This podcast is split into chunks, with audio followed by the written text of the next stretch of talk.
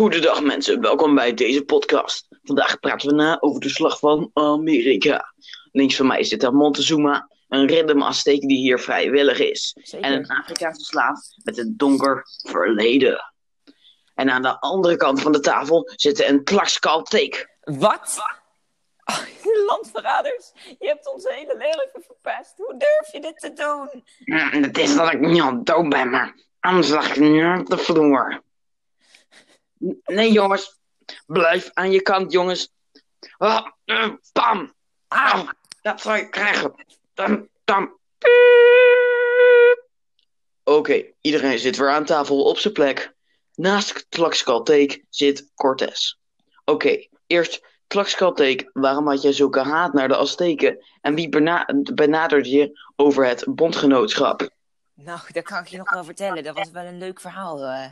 Want ehm, het was heel, heel vroeger. Toen vechten, eh, vochten wij als Twaxalteken heel veel met de Spanjaarden. Alleen we konden elkaar maar niet verslaan. Zij probeerden ons te verslaan en het lukte het niet omdat wij te sterk waren. Maar we waren niet sterk genoeg om hun te verslaan. Dus het was de hele tijd een strijd tegen elkaar en alles ging wel prima, weet je wel. Maar op een gegeven moment, toen we realiseerden een of andere meneer Cortés zich dat, ze, dat we elkaar nooit zouden kunnen verslaan. Dus dat we meestal misschien wel samen moeten werken. Dus heeft hij met onze leider een deal gesloten dat we samen gingen werken voortaan. Ik denk, ja, oké, allemaal wel leuk. Maar toen, toen wilde hij samen met ons naar de Azteken gaan. Het was echt heel erg leuk allemaal, want hij wilde namelijk de Azteekse keizer gevangen nemen. En dat ging allemaal heel top. Dus we gingen naar hun land en het was echt, het ging echt heel mooi. We hebben ze allemaal overgenomen. We hebben ze allemaal even een lesje geleerd. Oeh, wauw. Nou, ik ben nog steeds boos op jou. Schande, hoe durf je? En de peer. Jij bent natuurlijk een Afrikaan met een heel donker en zwaar slavenverleden. Ja, vertel eens, hoe begon dat allemaal? Ik was mijn geit aan het melken. Er kwamen opeens vreemde blanke mannen met geweren. Ze spraken voor mij een onverstaanbare taal. Opeens begonnen ze met schreeuwen en boeiden mij. Ze nemen me mee. Ik werd op een kar gegooid waar veel mensen in zaten, waaronder een paar bekenden. We begonnen met bewegen. Niemand van ons had een idee waar we heen gingen. Na uren reizen en met veel dorst kwamen we aan bij een kamp. Ze pakten ons gezicht vast en ze duwden onze mond open om onze tanden te bekijken. Het leek net of we een ding waren. Uiteindelijk werden we met een hele grote groep in een veel te kleine boot gestopt. We moesten allemaal liggen. We kregen weinig eten en drinken. Wat we kregen was heel mug en vies. Maar we waren blij met wat we hadden. Ik had een aantal mensen gezien die werden zonder iets over het.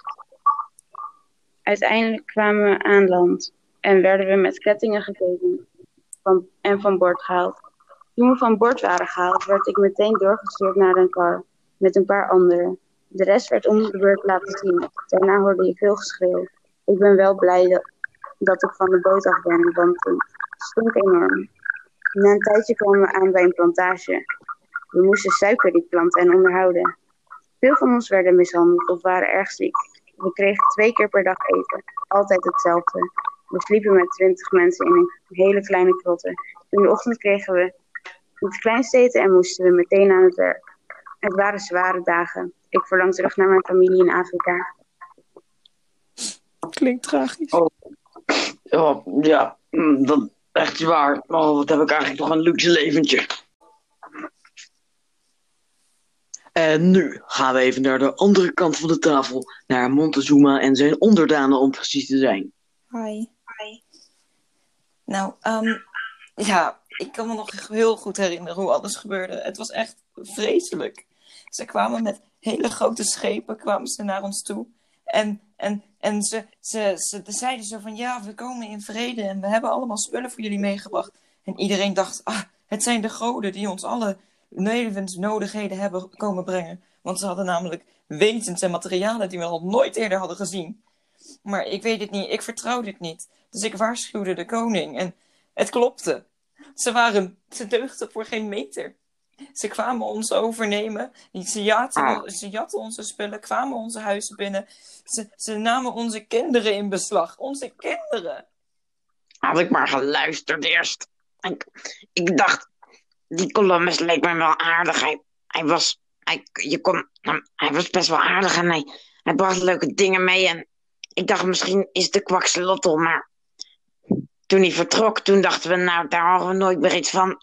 Maar het was leuk voor de tijd. Maar toen, vele maanden, jaren later, toen, nou, ik weet eigenlijk niet als het jaren waren, maar het voelde als een eeuwigheid. kwamen op een gegeven moment nieuwe mensen. En we waren het eigenlijk al een beetje vergeten hoe het daarvoor was. Dus we dachten, wie zijn dit? En toen veroverden ze ons samen met de teken. Bah, gewoon zo. In één klap. En ze deden met zoveel geweld en met allemaal dieren die wij niet kenden. En het was verschrikkelijk. En ze vermoorden bijna iedereen die geen vrouw of kind was. Uh. Het was oprecht een ramp. Ja.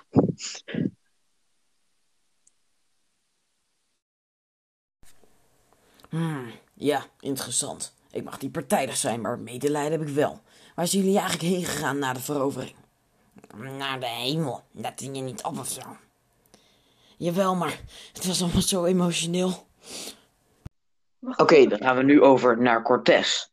Um, Cortés, we hoorden dat jij jouw hele reisverslag hebt meegenomen. Eigenlijk wel je hele levensverhaal. Uh, wil je die misschien vertellen hier? Ja, nou heel graag, heel graag. Ik ben uh, Hernan Cortés, uh, hè, zoals je al zei. Ik ben een Spaanse conquistador. Oftewel, ik ben een veroveraar. Ik sta vooral bekend om mijn veroveringen van Mexico. Samen met mijn grote le leger ben ik zonder de toestemming van de gouverneur Velasquez, ben ik vanuit Cuba overgestoken naar het vasteland, naar Zuid-Amerika. Ik ben een veroveraar en ik wil ook namens de koning gebied en rijkdom in bezit nemen.